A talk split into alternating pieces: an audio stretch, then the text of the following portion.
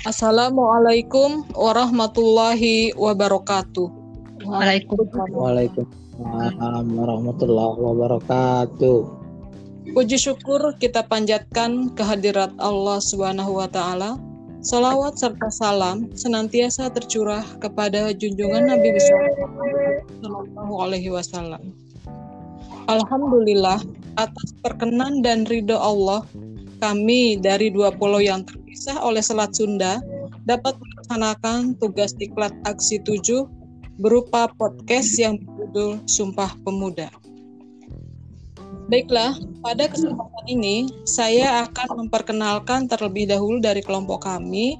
Yang pertama, saya Siti Hudaimah dari SMK Malang. Kemudian Setiawati di SMA Negeri 1 Hutan Barat, Sumatera Selatan. Ibu Hasnah dari SMK Negeri 1 Kandis Ogan Ilir, Sumatera Selatan. Kemudian Bapak Indar Cahyoto dari SMA Negeri 25 Jakarta. Dan berikutnya Ibu Nelly Hartati dari SMK Negeri 1 Lempiung Jaya, Oki, Sumatera Selatan. Lempiung Jaya. Singkat waktu, marilah kita sama-sama membacakan basmalah untuk memulai acara kita supaya dapat terselenggara dengan baik. Bismillahirrahmanirrahim. Uh, baiklah, kita pada bulan ini sudah melalui masa atau peristiwa Sumpah Pemuda. Pada kesempatan ini, kita akan membahas tentang Sumpah Pemuda yang akan uh, disampaikan oleh Ibu Leni Agus Setiawati yaitu bermula dari Kongres Pemuda 1. Kepada Ibu Leni dipersilahkan. Terima kasih Bu. Jadi latar belakang Kongres Pemuda 1 ini berawal dari adanya organisasi-organisasi pemuda yang pada awal berdirinya organisasi-organisasi pemuda ini masih bersifat kedaerahan di mana perjuangannya masih mementingkan organisasi dan daerahnya sendiri dan belum untuk kepentingan yang lebih luas ya ini Indonesia. Barulah kemudian pada tahun 1920 para pemuda-pemuda ini mulai merasakan akibat dari adanya agitasi politik yang sudah mulai ada sejak tahun 1910. Maka sejak tahun 1920 para pemuda-pemuda ini mulai mendiskusikan kemungkinan adanya kerangka untuk ke kepentingan persatuan yang akhirnya mendorong terbentuk gerakan kesatuan pemuda. Kemudian pada tanggal 30 April hingga 1926 diadakanlah Kongres Pemuda 1 di Jakarta pada saat pelaksanaan kongres ini, semua utusan dan organisasi-organisasi pemuda yang ada di seluruh Indonesia hadir. Dalam kongres tersebut, kemudian menghasilkan kesepakatan bersama mengenai kegiatan pemuda, baik dari segi sosial, ekonomi, dan budaya.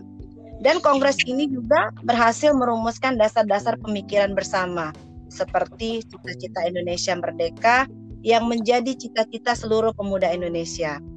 Kemudian semua perkumpulan pemuda berdaya upaya untuk menggalang persatuan organisasi pemuda dalam suatu wadah. Nah, hasil dari Kongres Pemuda satu ini adalah mengakui dan menerima cita-cita persatuan Indonesia meski masih secara samar-samar dan belum jelas. Barulah setelah Kongres Pemuda ke-1 diselenggarakan, kemudian diadakan pertemuan-pertemuan lainnya antar organisasi pemuda dengan tujuan adalah untuk mencapai persatuan secara nyata. Mungkin itu saja, Bu. Oh iya, baik Bu Leni, terima kasih. Berarti memang pada saat itu sudah arah uh, pemersatu atau menuju kesatuan itu para pemuda sudah mulai tercipta, Bu ya, sudah mulai digerakkan ya pada Kongres Pemuda satu. Nah, kemudian kan setelah itu juga uh, dilanjutkan dengan Kongres Pemuda dua. Uh, untuk uh, kali ini dipersilakan kepada Ibu Hasna untuk menjelaskan tentang Kongres Pemuda 2 ini. Silakan Ibu Hasna. Ya baik Bu. Pada tahun pada tahun 1928 alam politik Indonesia sudah dipenuhi oleh jiwa persatuan rasa kebangsaan dan cita-cita Indonesia merdeka telah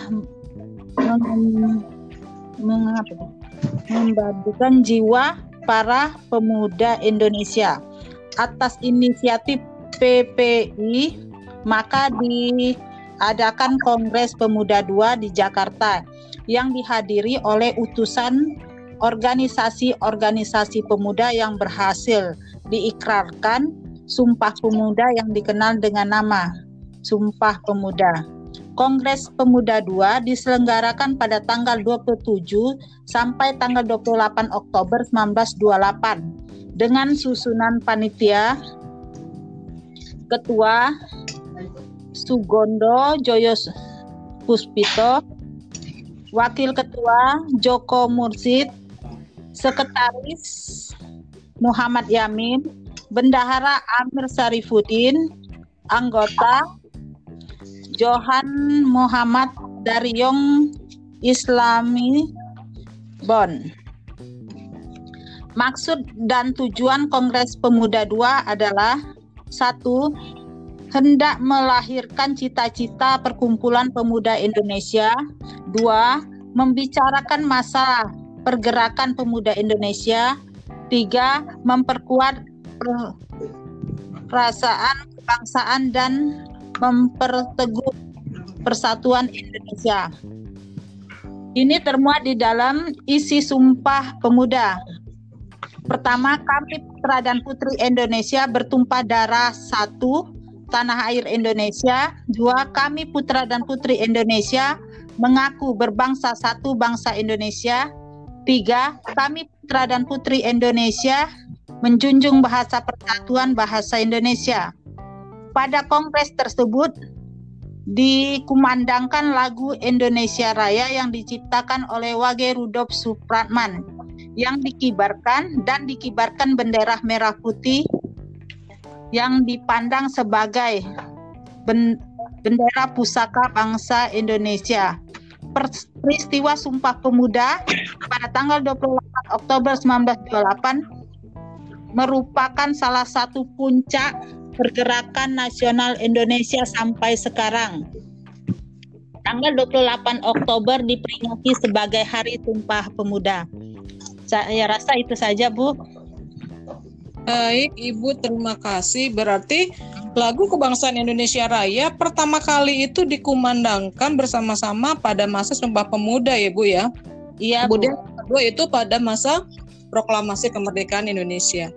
Nah, sekarang kita lihat ya bagaimana sih sebetulnya untuk uh, Sumpah Pemuda itu makna dari Sumpah Pemuda itu sebetulnya apa sih ya? Kita kita juga akan dengarkan juga dari penjelasan dari Pak Indar Cahyanto. Dipersilakan Pak. Makna dari Sumpah Pemuda itu sebetulnya apa sih Pak? Baik, Ibu. Makasih atas pertama yang memaknai sebuah makna Sumpah Pemuda bahwa ketika kita mengakui satu tanah air berarti tidak ada tanah air selain Indonesia. Tidak ada lagi tanah air yang menyatakan ini tanah Jawa, ini tanah Sunda dan lain sebagainya. Jadi kita sudah sepakat ketika sudah mengakui tanah air Indonesia maka kita sepakat bahwa kita memberikan harga mati untuk tanah air kita yang kita. Ini yang pertama. Artinya tidak ada lagi bahasa saya ini orang Jawa, saya ini orang Sunda, saya ini orang Kalimantan dan lain sebagainya. Artinya kita jadikan sebagai wadah satu sebagai rasa bineka tunggal ika dan memberikan sebuah warna sebagai rasa persatuan dan kesatuan. Kemudian yang kedua adalah bahasa. Bahasa adalah pengantar bagaimana kita berbicara, bagaimana kita untuk menyambung hubungan komunikasi antara pulau satu ke pulau yang lain. Dan bahasa yang bisa dijadikan sebagai pengantar menjadi bahasa persatuan dan tidak ada lagi bahasa lain, tidak lagi bahasa daerah. Bahasa daerah hanya sebagai pengantar sebatas pergaulan daerahnya saja. Untuk secara adalah kita mengenal bahasa Indonesia. Ini Kemudian makna yang ketiga ketika memakai sebuah bahasa maka di situ ada literasi. Makna literasi adalah bagaimana kita mau membaca, bagaimana kita mau membuka peradaban, karena peradaban itu ada di dalam buku, ada di dalam membaca, ada di dalam bagaimana mau membuka ilmu pengetahuan. Peradaban akan terbentuk ketika kita mau berliterasi sehingga dengan literasi kita memahami bagaimana proses ilmu pengetahuan yang ada. Kemudian yang ketiga adalah kita mau memaknai bagaimana arti sesungguhnya bahwa tidak ada lagi kata selain dari kata Indonesia.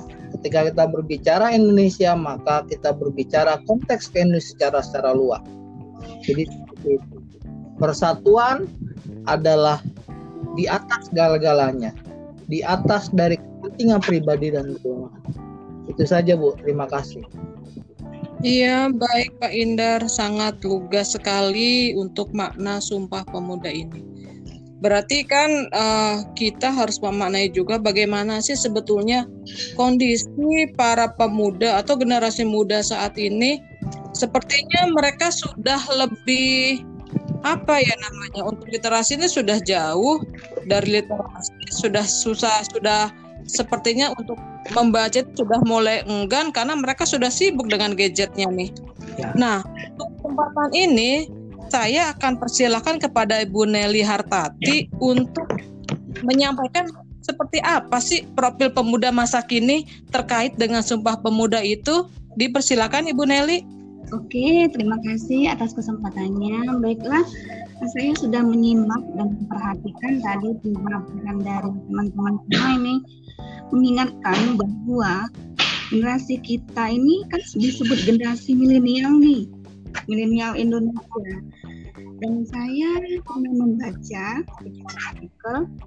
Nah, milenial Indonesia saat ini itu menguasai 33,75 persen dari seluruh penduduk Indonesia. Nah, ini merupakan tantangan sekaligus peluang bagi bangsa Indonesia.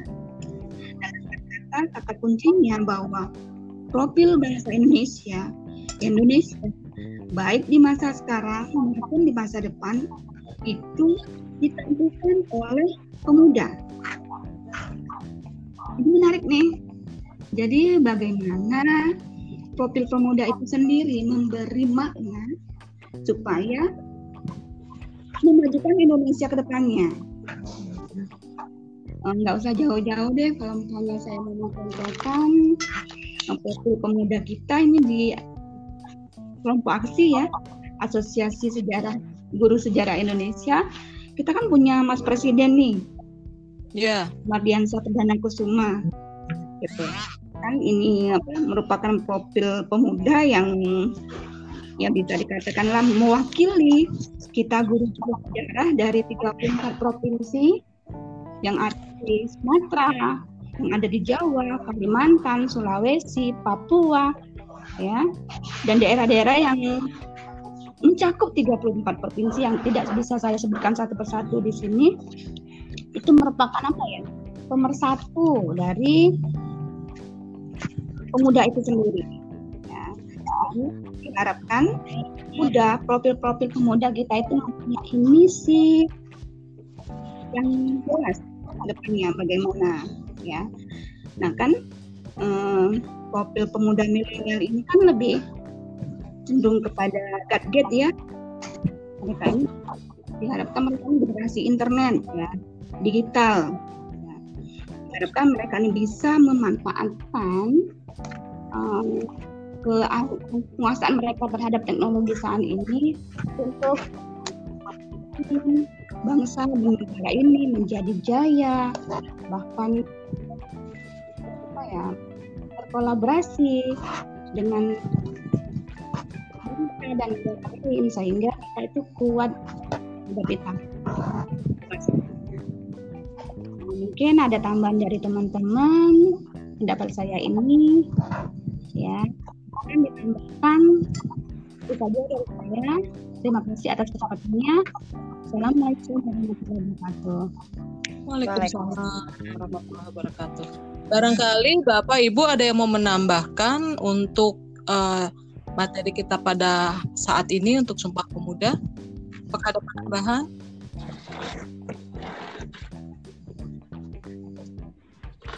Kalau memang tidak ada, ya saya akan menutup pertemuan kita ini.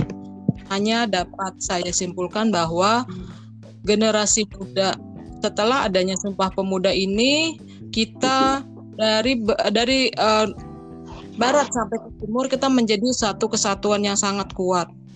Dan dengan keberadaan Asosiasi Guru Sejarah Indonesia yang di bawah kepemimpinan Bapak Dr. Sumardiasa Perdana Kusuma, ini juga menurut saya merupakan wujud dari Sumpah Pemuda bahwa kita ini tidak ada perbedaan.